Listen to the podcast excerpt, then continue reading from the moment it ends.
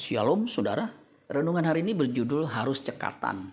Amsal 30 ayat 24 sampai 28. Ada empat binatang yang terkecil di bumi tetapi yang sangat cekatan. Semut bangsa yang tidak kuat tetapi yang menyediakan makanannya di musim panas.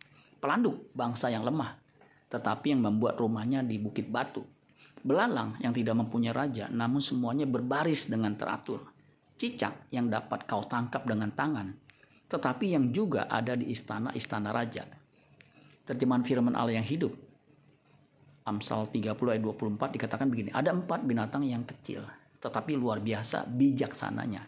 Semut, mereka tidak kuat, tetapi pandai menyimpan makanan untuk musim dingin. Pelanduk batu, binatang kecil yang lemah, yang mencari perlindungan di antara batu-batu. Belalang, walaupun tidak mempunyai pemimpin, mereka selalu berkelompok. Cecak, mereka mudah ditangkap dan dibunuh, tetapi di istana raja sekalipun mereka ada. Ada empat binatang yang terkecil tapi sangat cekatan atau sangat bijaksana. Masing-masing binatang tersebut punya ciri khas yang bisa kita contoh. Saat ini kita belajar dari semut. Semut binatang kecil dan lemah, menyediakan makanan pada musimnya. Jadi semut bisa memanage waktu dengan baik. Dia tahu bagaimana kesempatan itu harus digunakan sebaik mungkin Orang yang bisa melihat time and chance adalah orang yang berhasil. Pengkhotbah 9 ayat 11 firman Allah yang hidup mengatakan begini. Ada satu hal lain yang kulihat di atas bumi ini, yaitu bahwa orang yang paling cepat larinya tidak selalu menang dalam perlombaan. Yang paling kuat tidak selalu menang dalam pergumulan. Yang bijaksana tidak selalu dilimpahi makanan. Yang pandai tidak selalu kaya.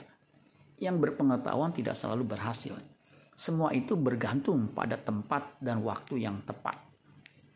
Kesempatan hidup di bumi ini cuma sekali dan itu pun durasinya terbatas. Ibrani 9 ayat 27. Dan sama seperti manusia ditetapkan untuk mati hanya satu kali saja. Dan sudah sudah itu dihakimi. Mazmur 90 ayat 10. Masa hidup kami 70 tahun. Dan jika kami kuat 80 tahun. Dan kebanggaannya adalah kesukaran dan penderitaan sebab berlalunya buru-buru dan kami melayang lenyap. Mari gunakan waktu hidup kita dengan bijaksana. Efesus 5 ayat 15 sampai 17. Karena itu, perhatikanlah dengan saksama bagaimana kamu hidup. Jangan seperti orang bebal, tetapi seperti orang arif. Dan pergunakanlah waktu yang ada. Karena hari-hari ini adalah jahat. Sebab itu janganlah kamu bodoh, tetapi usahakanlah kamu supaya kamu mengerti kehendak Tuhan. Selama masih ada kesempatan hidup, kumpulkanlah harta di sorga. Matius 6 ayat 19 dan 20. Janganlah kamu mengumpulkan harta di bumi. Di bumi ngengat dan karat merusakkannya.